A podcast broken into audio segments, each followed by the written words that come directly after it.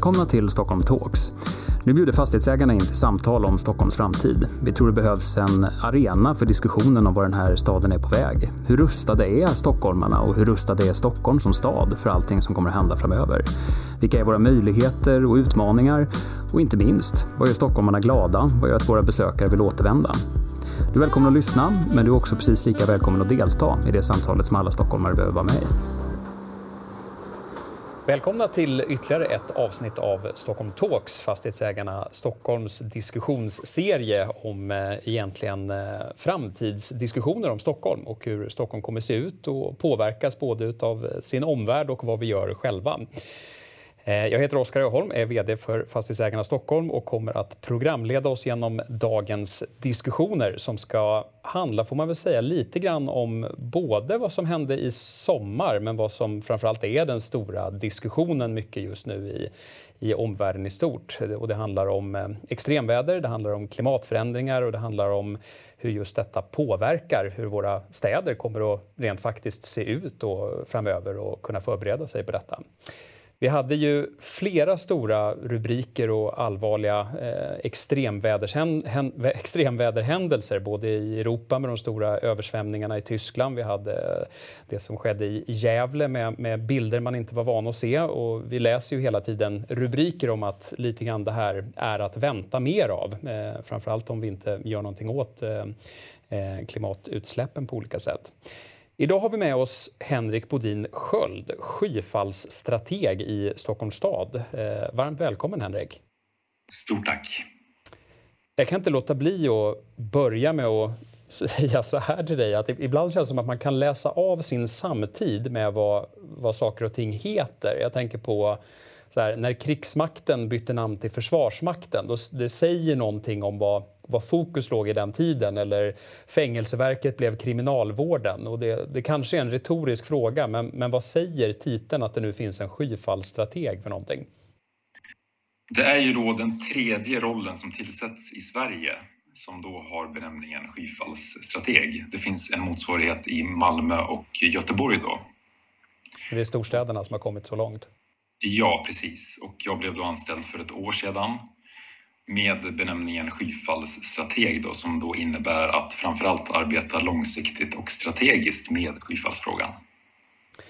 Skulle du säga att, eh, nu, nu är det Stockholm, Göteborg, Malmö, att den här rollen finns i de tre storstäderna? Är det ett eh, tecken på att man, man alltid har lite mer resurser i storstäderna eller är det för att storstäder är mer känsliga för, för extremväder?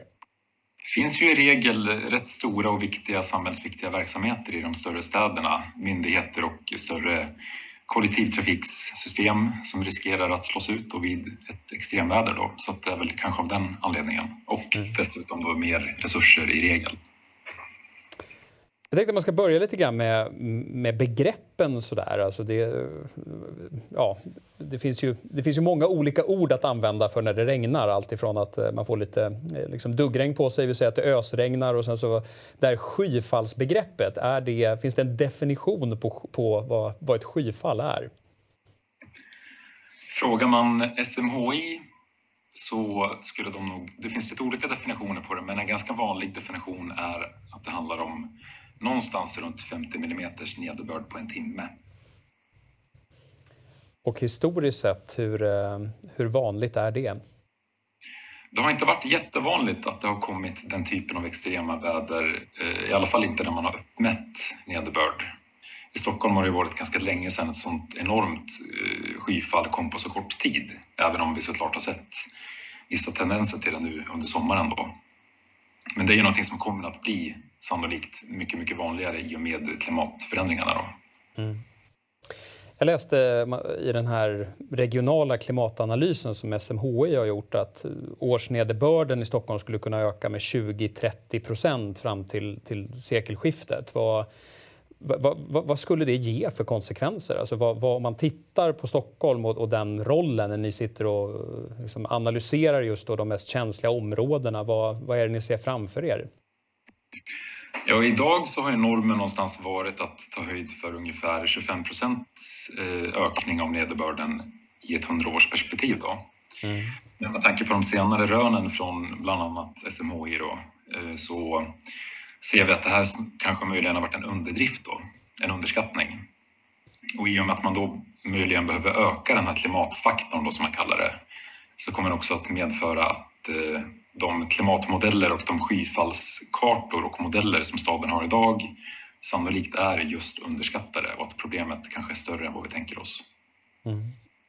Den här skyfallskartan som finns, den, den, är ju ett verktyg för att, för att ta reda på var, vilka områden då antar jag som är, är de mest utsatta. Om, om du skulle liksom, titta, om vi tänker oss att vi tittar över en, en karta över eh, centrala Stockholm eller liksom Stockholmsregionen, var, var finns de mest eh, känsliga områdena skulle du säga? Som i de flesta städer så finns det i regel en problematik i väldigt låglänta och instängda områden som därtill oftast är hårdgjorda, alltså det är mycket sten och betong och asfalt då, där vattnet inte kan ta sig undan. Så det är en kombination av sådana platser och även eh, vägar och gator med kraftig sluttning då, där vattnet vid ett skyfall får en väldigt hög hastighet. Så det är en kombination av problemet med stående vatten som fastnar och vatten som transporteras i en väldigt hög hastighet. Då. Det låter ju lite grann så här om man om man tänker sig en mental promenad i, i Stockholm och över liksom, Brunkebergsåsen och sådär. Hårdgjorda ytor och lutande backar. Det är, en, det är en ganska bra beskrivning av hur Stockholms innerstad ser ut. Mm, exakt, så det finns ju av det här skälet och flertalet platser i staden som utifrån eh, stadens befintliga modell då ser ut att kunna ha en väldigt hög risk för översvämning då vid ett skyfall. Och vad innebär, om du skulle gå in lite mer på, på din roll just i den här eh, som skyfallsstrateg, är det, är det både att försöka förbättra analyserna eller handlar det också om att föreslå liksom, åtgärder, vad vi behöver göra för att, att skydda oss helt enkelt? En stor del av arbetet skulle jag säga går ut på att eh, hjälpa staden att prioritera vad som är viktigast att göra först. För det finns ju väldigt mycket man kan göra som stad eller kommun för att förbereda sig för skyfallet. Då. Men det gäller att göra sakerna i rätt ordning och då försöka lära av andra städer som har gjort den här resan förut. Då. Så en kombination av att tänka kortsiktigt, vilken beredskap ska känsliga verksamheter och objekt ha idag om ett skyfall skulle komma i närtid då? Kombinerat med de här lite mer långsiktiga strategierna för var åtgärder behöver tillämpas då i staden eh, på sikt för att säkra staden som helhet. Mm. Jag läste eh, lite grann i, i, bakgrundsbeskrivningen inför det här uppdraget som, som eh, Trafikkontoret fick så beskrevs det några saker som, som redan nu hade gjorts i, i fysiska insatser i miljön. Och då, då stod de såna här spännande begrepp som kallas för fördröjningsytor i Rålambshovsparken och man pratade om växtbäddar och skelettjordar vid, vid Rådmansgatan. Om man, om man skulle, är, är det den, vad, vad, kan vi se mer för typ tror du av eh, fysiska spår av det här i vår stadsplanering framöver? Alltså, det där är ju två ganska bra exempel på hur, hur just fördröjningsytor kan se ut. Att man antingen arbetar med att implementera mer grönstruktur i befintlig hårdgjord gatumiljö då, som är fallet vid Rådmansgatan. Mm. Eller att man då tillämpar man nyttjar så att säga befintliga grönytor för att kunna magasinera vatten medvetet då, som är fallet i Rålambshovsparken.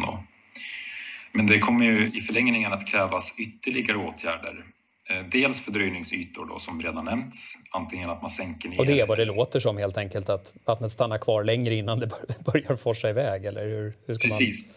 Alltså grundtänket, om man tittar på hur andra städer har arbetat med det här, då, så vill man ju i första hand bromsa upp vattnet så högt upp i systemet som möjligt för att minska vattenflödet nedströms i systemet då, så att säga.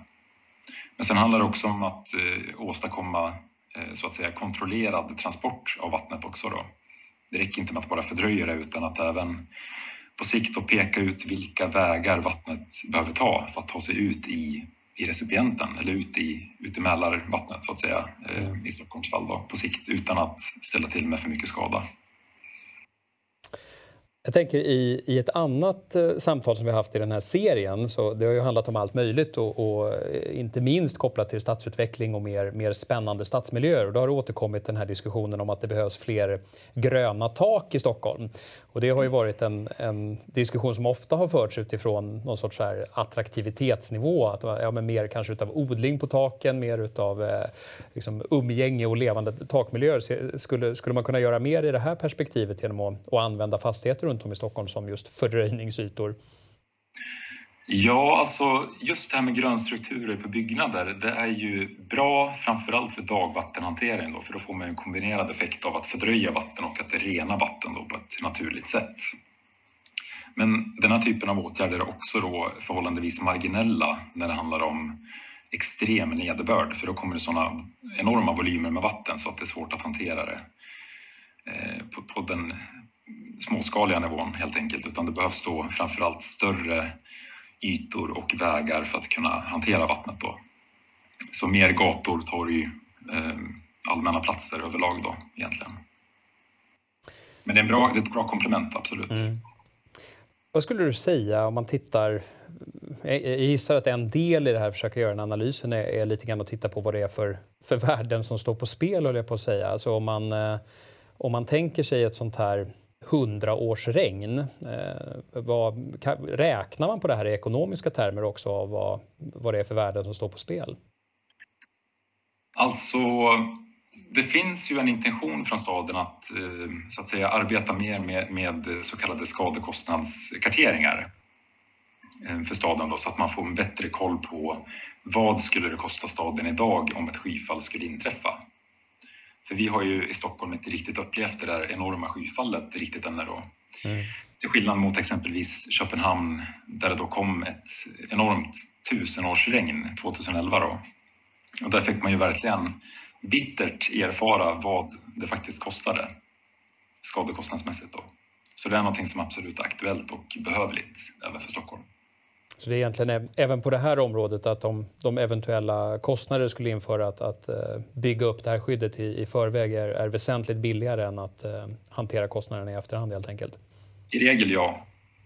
För det finns ju även mervärden man kan få med åtgärder också, att man kan uppnå multifunktionella ytor och passa på att rusta upp torg och parker och så, medan man ändå samtidigt säkrar sig mot skyfallet. Då. Det finns också, har jag förstått, ett eh, alltså pilotprojektet eh, när jag läste lite grann om det här att man har tittat på Östermalm specifikt. Alltså om du skulle beskriva det här pilotprojektet, vad är det man faktiskt gör där? Östermalm är ju en av platserna i Stockholm som är notoriskt eh, utsatt för skyfallsproblematik då, om man tittar på skyfallsmodellen. Då. Så av olika skäl så har vi då valt att titta lite extra på Östermalm som ett pilotområde då egentligen kring hur man kan tänka eh, problematik och åtgärdsplanering i befintlig miljö. Mm. En väldigt representativ miljö där det då finns stora mängder eh, hårdgjorda ytor, det är tätbebyggt, höga kulturvärden och så liknande. Då. Eh, så av det skälet så har vi valt att titta lite extra på det, den platsen då och även tagit fram ett internt förslag på hur man kan tänka då långsiktigt med åtgärdsplanering då, i befintlig miljö. Mm. Hur, ska vi säga, hur optimistisk eller pessimistisk är du? Tror du att när vi, eh, när vi går runt i mans och funderar på var vi ska bo eller var vi ska etablera verksamheter och så, att i, idag funderar man lite grann på så här, hur kommer solen in här eller hur, eh, hur ser det här området ut? Kommer jag att trivas här? Tror du att man kommer att eh, ha den här typen av funderingar i bakhuvudet om eh, 20-30 år? Hur klarar det här en översvämning? Jag misstänker absolut att det kommer att bli så. Det är ju en, det är en fråga som blir allt mer aktualiserad på olika håll, eh, både internt inom staden och i media, inte minst. Särskilt i, i skuggan av eh, det som händer i andra, andra städer och exempelvis Gävle eh, mm. nu senast. Då. Så det blir ju en allt mer påtaglig risk. Särskilt med tanke på att det, att det regnar mer och mer ofta. Då. Har vi, jag tänker lite grann så här, den så som vi har byggt våra städer. Alltså nu, nu är det här en, en podd som görs i, i fastighetsägarnas eh, regi. Och där, eh, när man pratar med medlemmar och andra, många pratar ju inte om gator utan de pratar om vad kvarteret heter. Och då var det någon som sa det att ja, men det är väl bara att gå in och titta och se vad vad kvartersnamnen heter och de har ju ofta så här eh, slutled på, på kvartersnamnet som slutar på träsk eller på sjö eller på strand och det, det där är väl ett tecken just på att vi, vi har också velat bygga våra städer mot vattnet. Eh, får vi betala lite grann för det extra nu då? Det är lite som att naturen återtar, återtar sin plats då helt enkelt. Exemplet i Östermalm där, då, där vi har kvarteret Träsket längre mm. upp vid Jarlaplan där. Och sen är ju själva Birger ett gammalt vattendrag som man har överbyggt då. Ner till Norrmalmstorg, Berzelii och där har det ju historiskt sett eh, varit en sjö. Mm. Så det är inte verkligen de allra mest centrala delarna av Stockholm som du beskriver då? Ja, precis. Så det är ju föga förvånande att vattnet letar sig just den vägen och att det blir en, en sjö, en veritabel sjö då, vid ett skyfall just vid Norrmalmstorg. Då. Mm. Vilka samarbeten tänker du dig eh, att... Eh, I förlängningen känns det ju som att nu finns det en skyfallsstrateg på Stockholms stad och det är klart du finns eh, knuten till trafikkontoret och det är inte så konstigt tänker jag. Det är klart det finns många, många anläggningar och ansvar för just som gör att det hamnar där. Men, men är så att det här kommer också kräva mycket. Vilken typ av samverkan skulle du vilja ha med stadens fastighetsägare? Det är ju eh, ett enormt viktigt sam samarbetsprojekt som, som behöver genomföras egentligen med fastighetsägarna för att det är ju vi som, alltså staden och de privata fastighetsägarna som, som råder över marken i staden. Mm. Så det är ju oundvikligt att, att den samverkan behöver uppstå och eh, förbättras då gentemot hur det är idag. Och det finns väldigt mycket att göra där då. Ehm, inte minst att klargöra hur ansvarsrollerna och inte minst mandatet ser ut idag för att hantera skyfallsrisken. Då. Om man tittar lite grann på det, du, du nämnde det med, med andra städer som har, eh, som har kommit längre. Är, eh, har vi några såna här förebilder som man skulle kunna titta på? Du nämnde att man blev så illa tvungen i Köpenhamn efter det här som inträffade, men eh, finns det föregångsstäder vi kan titta på? Ja, utöver Köpenhamn då, som är lite av en internationell inspiration på den här fronten skulle jag ändå säga, för de, de hade ju som sagt, de upplevde ju katastrofen på nära håll och eh, startade därefter upp ett enormt arbete med att bygga upp en organisation och ta fram en långsiktig plan för var i staden åtgärder behövs då på sikt. Och de har även kommit en bit på vägen att faktiskt anlägga det här då, så att av det skälet så är de en väldigt stor eh, inspiration och ett föredöme egentligen. I Sverige så skulle man väl säga att eh, ja, dels så har vi Malmö stad som också drabbades av ett, eh, stort skyfall 2013, 14 någonstans där. Där har man också arbetat väldigt intensivt eh, med att planera för skyfallet och där är man väldigt duktig på att så att säga åstadkomma så kallade passa på-åtgärder i samband med att man ändå bygger om i staden. Då. Så de har ju sitt mantra där att de liksom gör väg för vattnet i samband mm. med att de också gör andra insatser i staden. Då. Sen har vi Göteborgs stad då, som, eh, som ligger lite utmanande till precis vid havet och vid eh, Göta älvs mynning. Så där har man också högvattenproblematiken att ta hänsyn till. Och där har man också kommit väldigt långt i just planläggandet och eh, identifieringen av var åtgärder behövs på, på en stadsövergripande nivå då egentligen. Så båda de har ju så att säga aspekter att, som, är, som är väldigt värdefulla att eh, låta sig inspireras av även i Stockholm, vilket vi mm. försöker med. Då. Det är ju superintressant. Jag skulle, om jag ställer frågan så här, är det i det arbete som ni nu ska göra och liksom i din roll, hur mycket handlar om att analysera vad som faktiskt kan hända och hur mycket handlar om att där vi egentligen vet lite grann vad risken är. Det handlar mer om att börja förbereda oss praktiskt och fysiskt för det som komma skall. Eller finns det först en, en analysfas där vi inte har kommit tillräckligt långt skulle du säga? Jag skulle nog säga att med tanke på att skyfallsmodellen finns framtagen sedan några år tillbaka så finns det ju i högsta grad en medvetenhet om var vattnet tar vägen någonstans. Var det ansamlas i lågpunkter och vilka vattenvägar som uppstår då. Så det handlar väl mer om att någonstans eh, gemensamt i staden dels formulera en ambitionsnivå för skyfall, alltså vilken nivå ska man skydda staden mot? För det är ju mm. extremt fundamentalt. För det är svårt att säkra allting hundraprocentigt mot skyfall, utan man får välja ut det som är viktigast så att säga och fokusera på det i första hand. Då.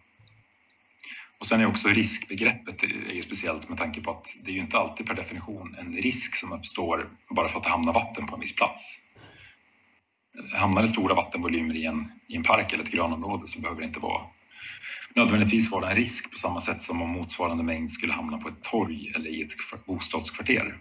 så att säga. Apropå fördröjningsytor och annat, naturliga eller byggda.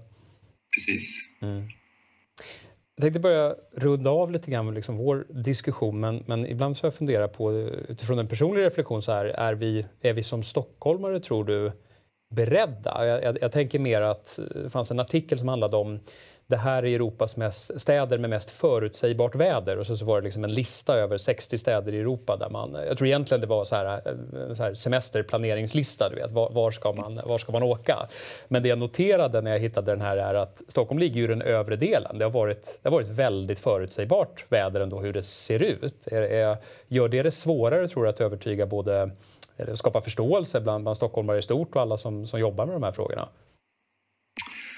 Ja, alltså det, är ju, det hade ju underlättat om det hade regnat mer, så att säga, mm. om det hade kommit ett större skyfall för att öka förståelsen. Men, men, men det räcker ju ibland att titta på hur illa det kan gå i, i närliggande städer, som exempelvis Gävle.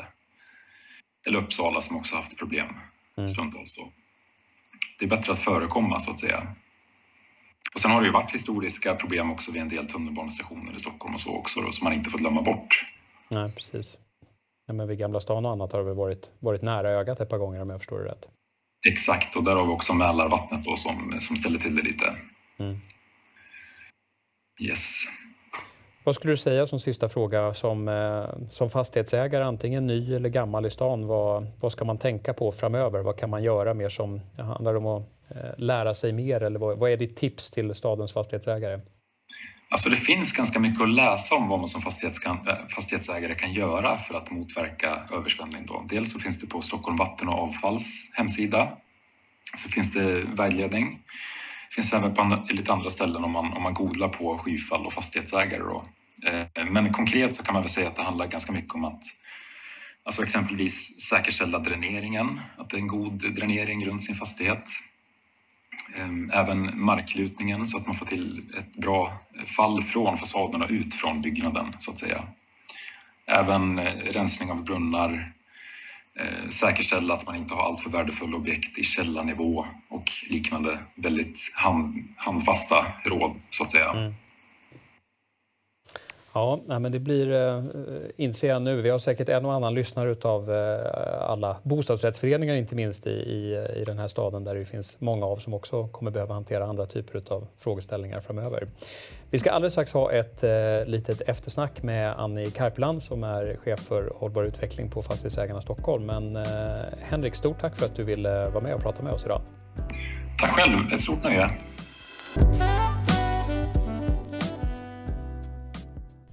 Och nu är det dags för lite eftersnack och det tänkte jag ha med Annie Karpelan som är chef för hållbar utveckling på Fastighetsägarna Stockholm. Vad har du för reflektioner efter att ha lyssnat på Henrik? Ja, det är ett jätteintressant eh, samtal med Henrik och man inser ju att eh, den här typen av roller som Henrik har verkligen behövs i, i staden och eh, det känns ju också något betryggande, tänker jag, som stockholmare att, att, eh, att han finns och, och hans roll. Um, jag reflekterar ju också över, som, som vi många gör stockholmare, att, att uh, klimatförändringarna verkligen är här och nu och att de utgör stora risker för, för gemene man, men såklart självklart för många av stadens um, fastighetsägare. Mm. Det är mm. stora värden som står på spel helt enkelt. Mm.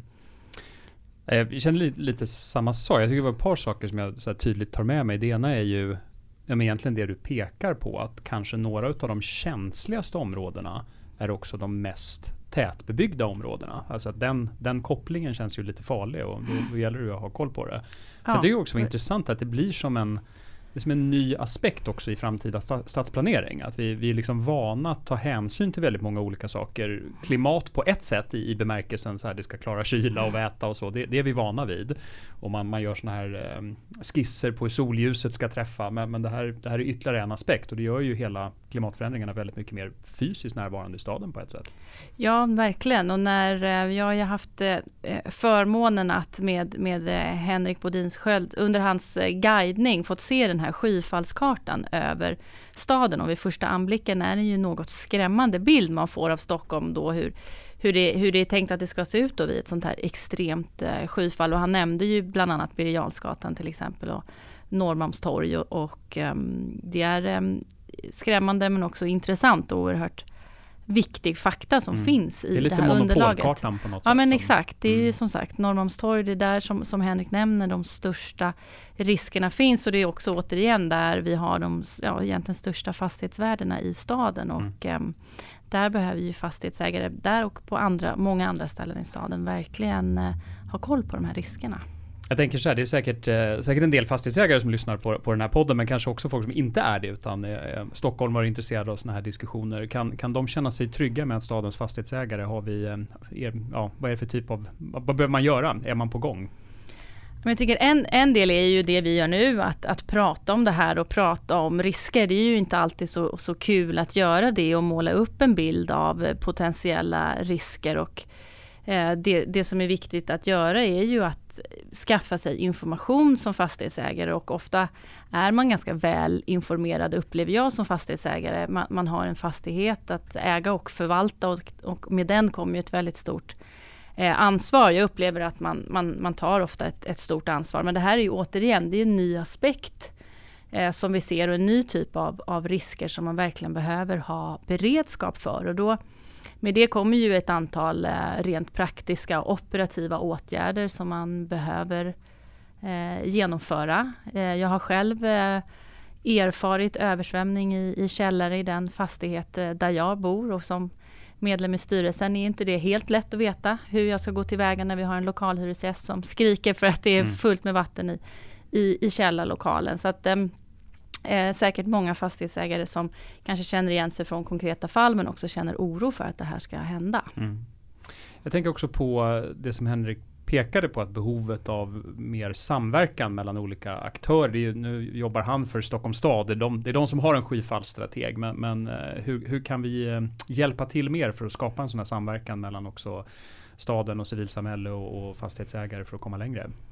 Ja, men det är ju, det är ju en, en, en, typisk fråga där man verkligen behöver samverka. Och sen är det ju ofta det där med, med, samverkan. Det är ju lätt att prata om det, men man behöver ju verkligen gå från, från ord till handling. Och här har fastighetsägarna tagit ett initiativ till ett sådant samverkansprojekt där tanken är att vi tillsammans med, med staden och, och Henrik som vi precis träffade, eh, fastighetsägare och även Länsstyrelsen, kommunen eh, samlas för att eh, titta på de här utmaningarna och vad är det vardera part själva behöver göra för att vi tillsammans ska nå ett resultat och, och långsiktigt eh, hitta en lösning på de här utmaningarna. Och, eh, det arbetet har precis påbörjats och eh, vi, vi, rör oss i de här områdena som vi precis har, har pratat om, där mm. riskerna i Stockholm är som störst. Mm.